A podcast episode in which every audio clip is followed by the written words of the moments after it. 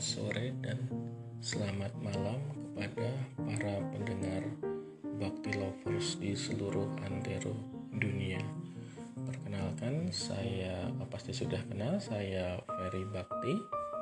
Hari ini izinkan saya untuk sedikit mengeluarkan unek-unek saya yang sudah terpendam di dalam hati sejak sekian lama ini. Unek-unek saya ini bukan tentang uh, cerita uh, saya mematahkan hati banyak uh, gadis-gadis banyak perempuan bukan tapi tentang uh, materi kita tentang identitas nasional. Nah baik kita mulai saja. Silahkan dibuka slide bab identitas nasional silahkan Identitas nasional kita mulai dulu dari pengertiannya terdiri dari dua kata yaitu identitas dan nasional. Eh, pengertian dari identitas menurut Oxford Learner Dictionary yaitu the characteristic, feelings, or beliefs that distinguish people from others. Jadi identitas adalah suatu karakter, bisa berupa karakter, bisa perasaan maupun suatu kepercayaan yang membedakannya dari orang-orang yang lain. Jadi identitas bisa berarti karakter, perasaan maupun kepercayaan yang membedakan. Sedangkan nasional berarti connected with a particular nation atau shared by a whole nation yaitu dirasakan oleh seluruh bangsa atau yang berhubungan dengan sebuah bangsa. Lanjut, sedangkan menurut Kamus Besar Bahasa Indonesia, identitas merupakan ciri-ciri atau keadaan khusus seseorang, jati diri, atau sifat khas yang membedakan dengan orang lain. Sehingga dengan identitas ini menunjuk pada penanda yang dimiliki seseorang pribadi maupun kelompok. Jadi dapat dipahami di sini bahwa yang namanya identitas adalah ciri-ciri khusus. Jadi bukan ciri-ciri yang umum karena setiap orang pasti akan memiliki ciri-ciri yang khusus ini. Misalnya saja kita mempunyai kartu identitas berupa KTP, kartu mahasiswa, NPWP, dan lain-lain. Itu kan pasti berbeda dari satu orang dengan orang yang lainnya karena memang untuk membedakan kita. Jadi baik itu ciri-ciri kepercayaan maupun karakteristik yang khusus. Jadi kalau misalnya saya bertanya, eh bakti itu yang mana sih? Nah kemudian dijawab, bakti itu yang tangannya dua.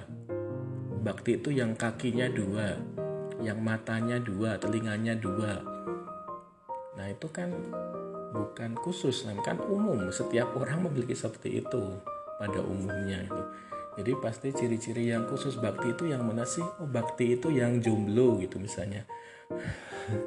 Itu kan juga termasuk khusus ya karena kalau kita lihat eh, di kampus kita bakti yang jomblo kan ya hanya saya saja gitu.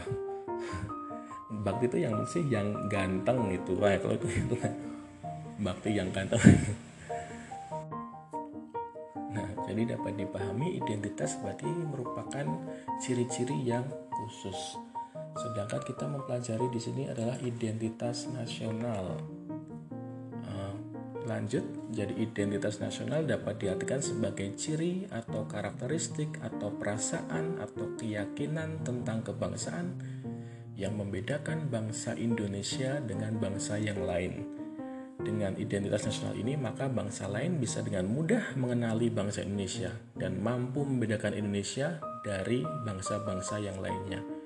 Jadi, para bule-bule, para masyarakat internasional ini bisa tahu, oh ini orang Indonesia, oh ini bukan bukan Malaysia, ini bukan Timur Leste, ini bukan uh, bukan Vietnam, tapi ini Indonesia ya karena mereka melihat dari identitas nasional di Indonesia gitu.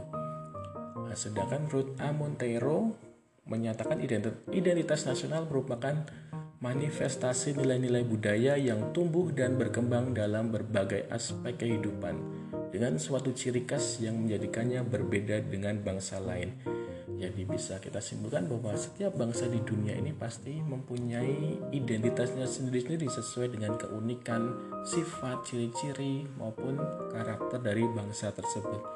Kita contohkan saja kalau misalnya ada patung singa gitu kan pasti para bakti lovers akan uh, langsung tahu oh patung singa berarti dia adalah Singapura itu ya. Karena itu sudah menjadi identitas nasionalnya bangsa atau negara Singapura. Uh, kemudian kalau kita ada patung Liberty gitu. Patung Liberty sudah menjadi identitas nasionalnya negara Amerika Serikat. Maka itu setiap negara itu mempunyai identitasnya sendiri-sendiri dengan keunikan dan sifat-sifatnya gitu. Nah, sedangkan Amontero tadi menyebutkan bahwa identitas nasional itu merupakan manifestasi nilai-nilai budaya. Apa itu manifest? Itu adalah suatu pernyataan terbuka. Nah, jadi uh, mendeklar atau mengungkapkan gitu. Dan jadi jika misalnya teman-teman ada perasaan yang terpendam dengan uh, mahasiswi atau mahasiswa di kampusnya, yaitu harus dimanifestasikan, harus diungkapkan gitu. Nah, jadi Amon Teora menyebutkan identitas nasional merupakan manifestasi nilai-nilai budaya. Jadi sumbernya adalah dari nilai-nilai budaya yang tumbuh dan berkembang dari berbagai aspek kehidupan. Nah, budaya itu nantinya menjadikan ciri khas identitas nasional suatu bangsa gitu. Menurut Harti Laar, identitas nasional akan sangat berkaitan atau berhubungan erat dengan pengertian bangsa. Oleh karena seseorang baru akan mempunyai arti, baru akan mempunyai identitas bila mem, uh, bila mereka, bila orang tersebut bergabung di dalam masyarakat. Jika seorang tersebut terlepas dari masyarakatnya, maka uh, dia tidak mempunyai identitas itu. Seseorang dapat dibedakan karena nasionalis, nasionalitasnya merupakan ciri pembeda dari bangsa lain. Nah, jadi identitas nasional kita akan sangat dipengaruhi oleh kebangsaan kita dan akan sangat dipengaruhi oleh nilai-nilai budaya kita. Gitu. Sedangkan menurut Sudarsono identitas itu sama dengan artinya dengan jati diri. Jadi apakah jati diri kita? Jadi jati diri kita sebagai bangsa Indonesia itu apa sebenarnya? Menurut Kailan, jati diri bangsa Indonesia adalah nilai-nilai hasil buah pikiran dan gagasan dasar bangsa Indonesia tentang kehidupan yang dianggap baik, yang memberikan watak, corak, dan ciri masyarakat Indonesia dan nilai-nilai yang kita anggap baik dari dahulu kala dan nilai-nilai tersebut sudah terangkum dalam nilai-nilai Pancasila antara lain adalah yang menjadi ciri bangsa Indonesia, ciri kita adalah sifat religius, sifat menghormati, saling menghormati manusia, saling menghormati bangsa yang lain, eh, lebih mementingkan persatuan, suka bergotong royong, bermusyawarah, bersosialisasi, serta ide-ide tentang keadilan sosial dan itu semua sudah terangkum dalam nilai-nilai di Pancasila. Jadi itulah jati diri kita sebenarnya yang menjadi identitas kita sebenarnya adalah Pancasila nilai-nilai di Pancasila. Jadi kalau kita mengaku sebagai bangsa Indonesia, apakah nilai-nilai dari Pancasila itu sebenarnya sudah kita terapkan dalam perilaku kita, gitu, dalam jati diri kita? Ya, kalau kita belum menerapkan nilai-nilai Pancasila itu, maka kita belum bisa disebut sebagai belum pantas kita mengaku-ngaku sebagai bangsa Indonesia sebagai saya saya adalah orang Indonesia karena kita nilai-nilainya berkebalikan dari nilai-nilai Pancasila itu. Jadi itulah tentang identitas nasional kita, tentang pengantar identitas nasional. Nah, kenapa sih kok kita harus peduli terhadap identitas nasional ini? Apa manfaat dari identitas nasional? Fungsinya untuk apa?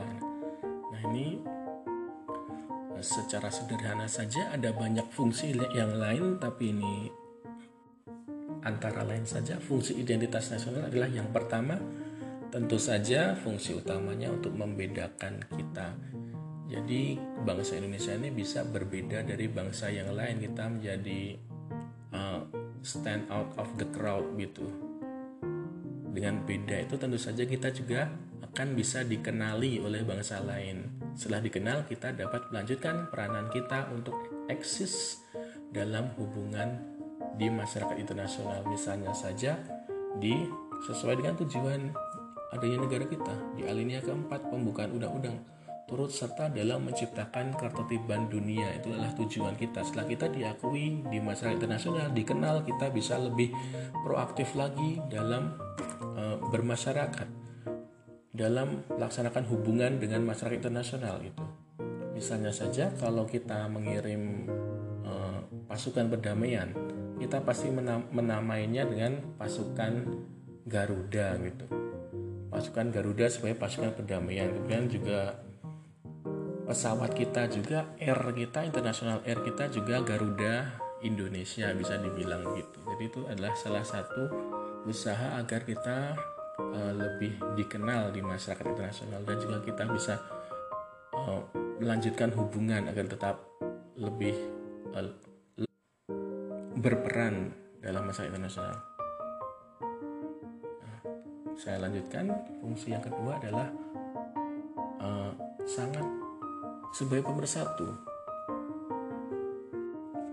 Jadi identitas nasional ini sangat penting untuk menyatukan kita yang sangat beragam.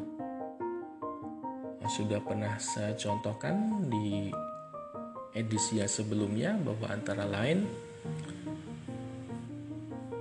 saya contohkan di Amerika Serikat saja yang paling mudah. Di Amerika Serikat itu bukan hanya berbineka atau beraneka ragam dari sisi suku saja, suku budaya, suku bahasa dan lain-lain. Tapi di Amerika Serikat itu berbeda secara ras. Di sana bukan hanya ada ras uh, uh, ras yang Eropa saja, tapi ada juga man, uh, Asia, ras Asia juga menjadi warga negara Amerika.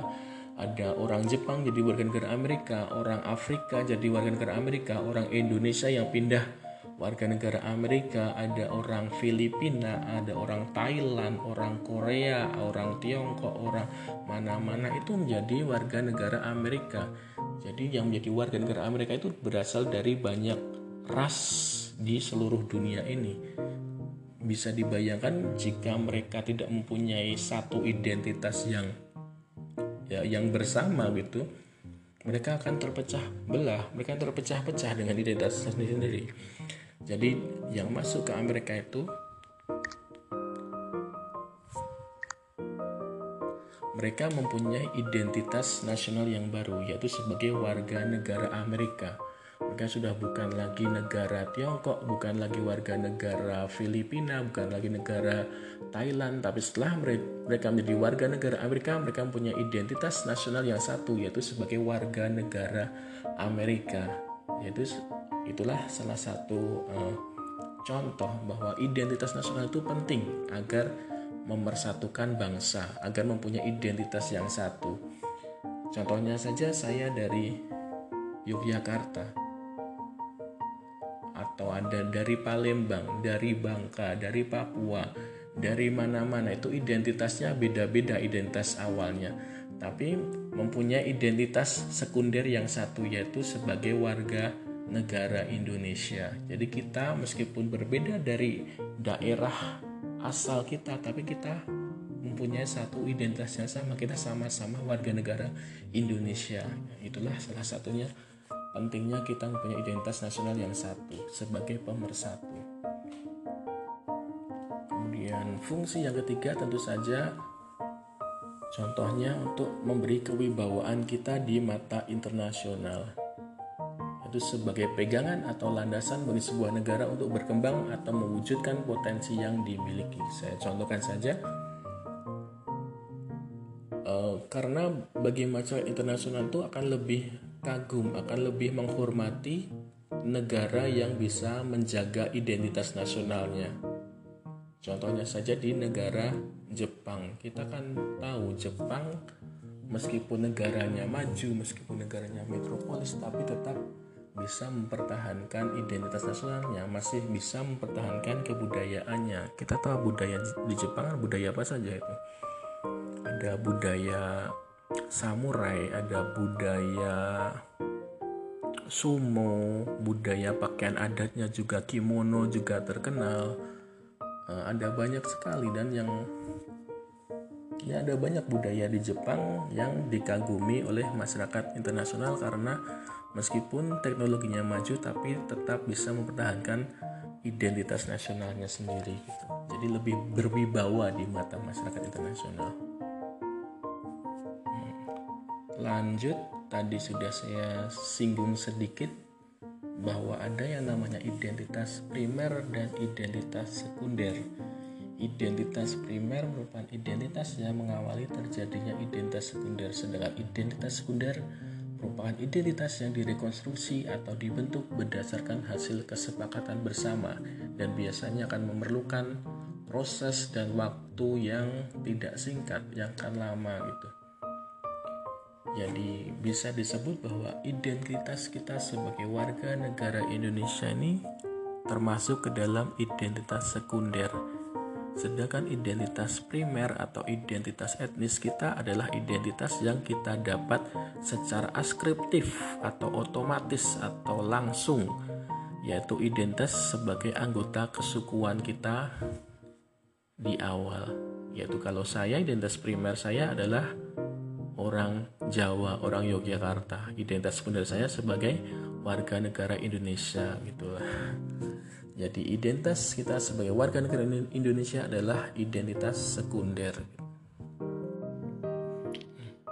Eh, saya lanjutkan, identitas nasional masih bisa dibagi lagi menjadi tiga yaitu identitas fundamental, identitas instrumental, dan identitas alamiah. Identitas fundamental kita tentu saja adalah Pancasila sebagai jati diri kita, sebagai falsafah bangsa, sebagai dasar negara dan juga sebagai ideologi negara kita.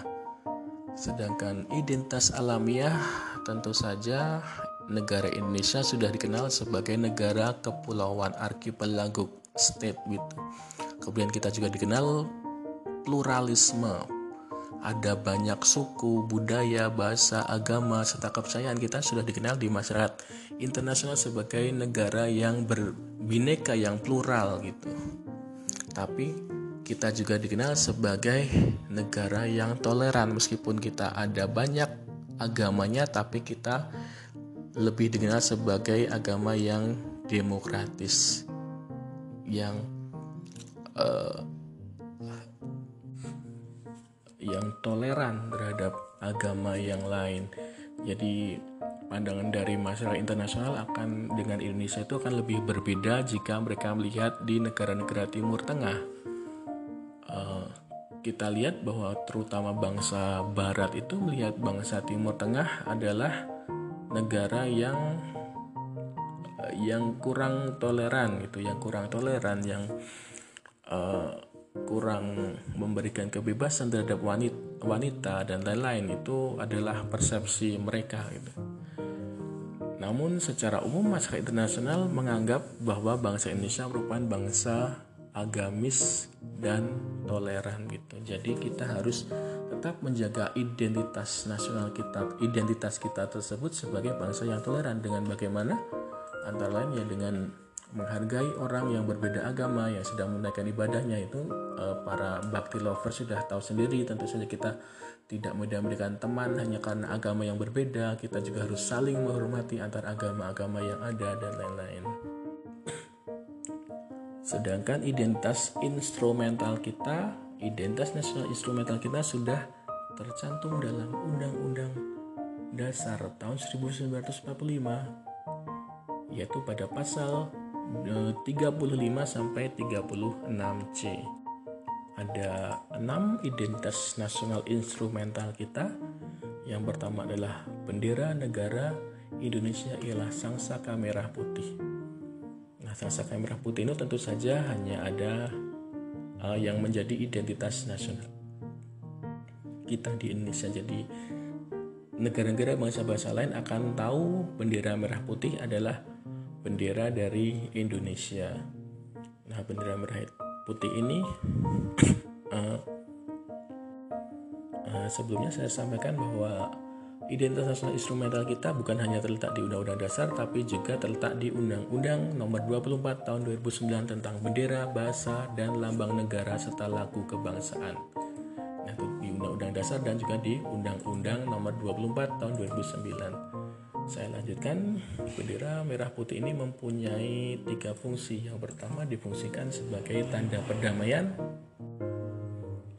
yaitu misalnya jika terjadi konflik horizontal antar desa atau antara pemerintah dengan uh, kelompok masyarakat tertentu. Kemudian jika ada kita bisa menggunakan bendera merah putih sebagai lambang untuk untuk kedua belah pihak itu menghentikan pertikaian. Jadi setiap dikibarkan bendera merah putih, maka kedua belah pihak wajib untuk menghentikan pertikaian, uh, menurunkan senjata dahulu, kemudian langsungkan dialog atau berdiskusi secara damai dahulu. Jadi itulah antara lain uh, fungsi sang merah putih sebagai tanda perdamaian. Kemudian yang kedua sebagai tanda berkabung. Yaitu bendera merah putih akan ditempatkan untuk menutupi peti jenazah dari para pahlawan. Jadi misalnya saja ada presiden atau wakil presiden atau ada mantan presiden uh, atau yaitu yang meninggal mereka akan uh, dikebumikan dengan penutup jenazah ini. Dan jika ada presiden wakil presiden yang meninggal maka akan dikibarkan bendera merah putih setengah tiang selama tiga hari berturut-turut di seluruh wilayah NKRI dan juga di kedutaan besar di seluruh dunia. Jadi itulah uh, bendera merah putih sebagai penutup peti atau penutup usungan jenazah dan sebagai tanda bergabung. Sedangkan jika ada pimpinan lembaga negara atau menteri yang meninggal dunia akan dikibarkan setengah tiang bendera saka merah putih selama dua hari. Sedangkan jika ada pimpinan daerah, kepala daerah, atau pimpinan DPR daerah yang meninggal dunia akan dikibarkan Bendera sastra merah putih selama satu hari setengah tiang. Demikian. Dan juga ada larangan-larangan terhadap identitas-identitas nasional. Jadi para bakti lovers harus mengendahkan aturan ini. Jangan sampai um, merendahkan identitas identitas nasional yang saya sebutkan tadi karena ada dasar hukumnya ada di undang-undang dasar dan ada di undang-undang dan ada sanksi pidananya hmm, yaitu pada pasal 57 dan pada pasal 63 berupa penjara maksimal 5 tahun atau denda maksimal 500 juta. Jadi jangan sekali-kali bercanda mengenai identitas nasional negara kita ini.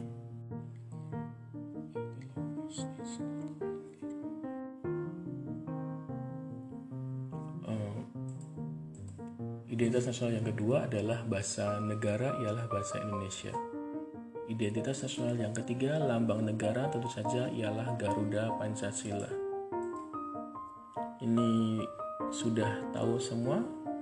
Lambang ini pertama kali diusulkan oleh Sultan Hamid II, putra dari Sultan Syarif Muhammad Al-Qadri. Identitas nasional berikutnya adalah lagu kebangsaan, ialah Indonesia Raya. Pada saat uh, kemerdekaan masih belum liriknya masih belum Indonesia Raya merdeka merdeka itu masih belum tapi mulia mulia ini wajar saja karena saat itu masih di penjajahan Jepang pertama kali di dinyanyikan uh, pada penutupan Kongres Pemuda kedua tahun 1928 masih dalam kekuasaan Jepang.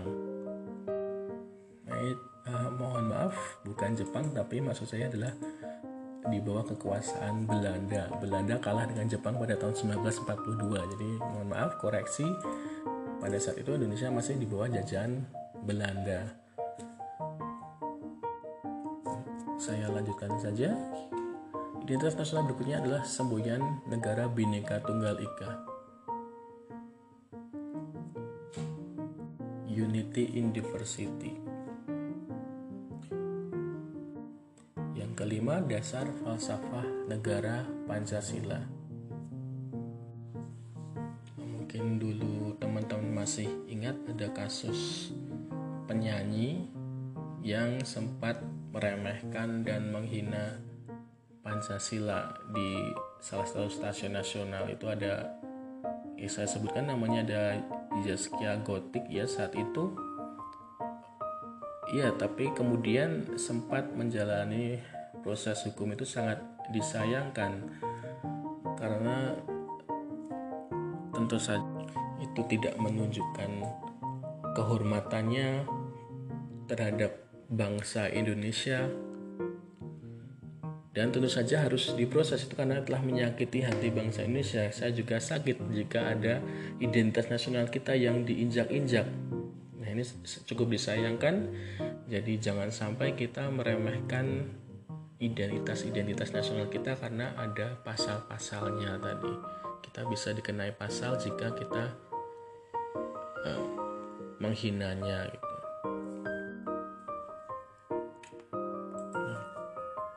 Tentu saja dalam dasain dan solen dalam kehidupan ini ada dasain dan dasolen apa yang dicita-citakan dengan apa yang senyatanya terjadi. Senyatanya yang terjadi di di praktek kehidupan. Kita banyak menemui tindakan-tindakan yang justru tidak sesuai dengan identitas nasional kita. Tentu saja kita berikan contoh kita lebih bangga menggunakan bahasa asing daripada menggunakan bahasa Indonesia. Misalnya saja uh, menyelenehkan kata-kata bahasa Indonesia misalnya serius kita bilangnya cius demi apa kita bilangnya mi apa cunguh beneran kita kita bilangnya anelan semangat kita sering bilangnya dengan cemungut good news Masya Amasya Lahasya Amacha hmm, Miapa gitu. Nah itu kan hal-hal yang uh, menunjukkan bahwa kita kurang menghargai bahasa Indonesia yang benar. Uh, jadi kita juga harus lebih uh, perhatian dengan bahasa Indonesia, terutama di acara-acara yang formal. Tentu saja kita harus menggunakan bahasa Indonesia yang benar-benar formal, benar-benar YED yang disempurnakan gitu. EYD ejaan yang disempurnakan. Dan tantangan yang lain misalnya kita lebih menghargai dan mencintai budaya bangsa asing. Jika kita menggunakan pakaian adat daerah sendiri kalau kita merasa malu seperti orang tua. Namun jika kita menggunakan pakaian adat Korea, pakaian adat Jepang kimono tadi atau uh, hangkuk atau apa namanya itu dari Korea itu kita kok seperti bangga, lebih bangga sendiri. Nah, itu kan salah satu yang menunjukkan kita tidak mencintai identitas nasional kita sebagai bangsa Indonesia. Yang paling buruk lagi adalah kita tidak sesuai dengan jati diri kita tadi sebagai bangsa Indonesia. Jati diri nilai-nilai Pancasila tadi. Jati sifat yang religius sifat yang saling menghormati saling kemanusiaan saling bersatu saling bergotong royong saling bermusyawarah. Adil kita seakan kehilangan itu semua. Terlihat dari perilaku ingin bergaya hidup mewah ingin punya mobil yang banyak memiliki istri yang banyak, memiliki rumah yang banyak, kita bergaya hidup lebih mementingkan prestis, lebih mementingkan merek, uh, memanfaatkan orang lain untuk keuntungan kita sendiri, kita hedonisme. Hedonisme adalah paham yang menganggap bahwa hidup kita di dunia ini adalah tujuannya untuk sekedar mencari kesenangan saja, untuk mencari happy-happy saja nanti implikasinya adalah kita lebih ke gaya hidup yang uh, suka dugem, suka ke naik klub, suka mabuk-mabukan, suka ya hidup itu hanya untuk mereka mencari kesenangan saja. Itu sama sekali tidak sesuai dengan identitas kita. Oh, jadi mungkin Bakti Lovers ini sudah 30 menit saya ucapkan terima kasih untuk uh, kesetiaannya Bakti Lovers. Sampai bertemu lagi di unek-unek dan curhatan saya uh, di episode mendatang. Terima kasih. Wassalamualaikum warahmatullahi wabarakatuh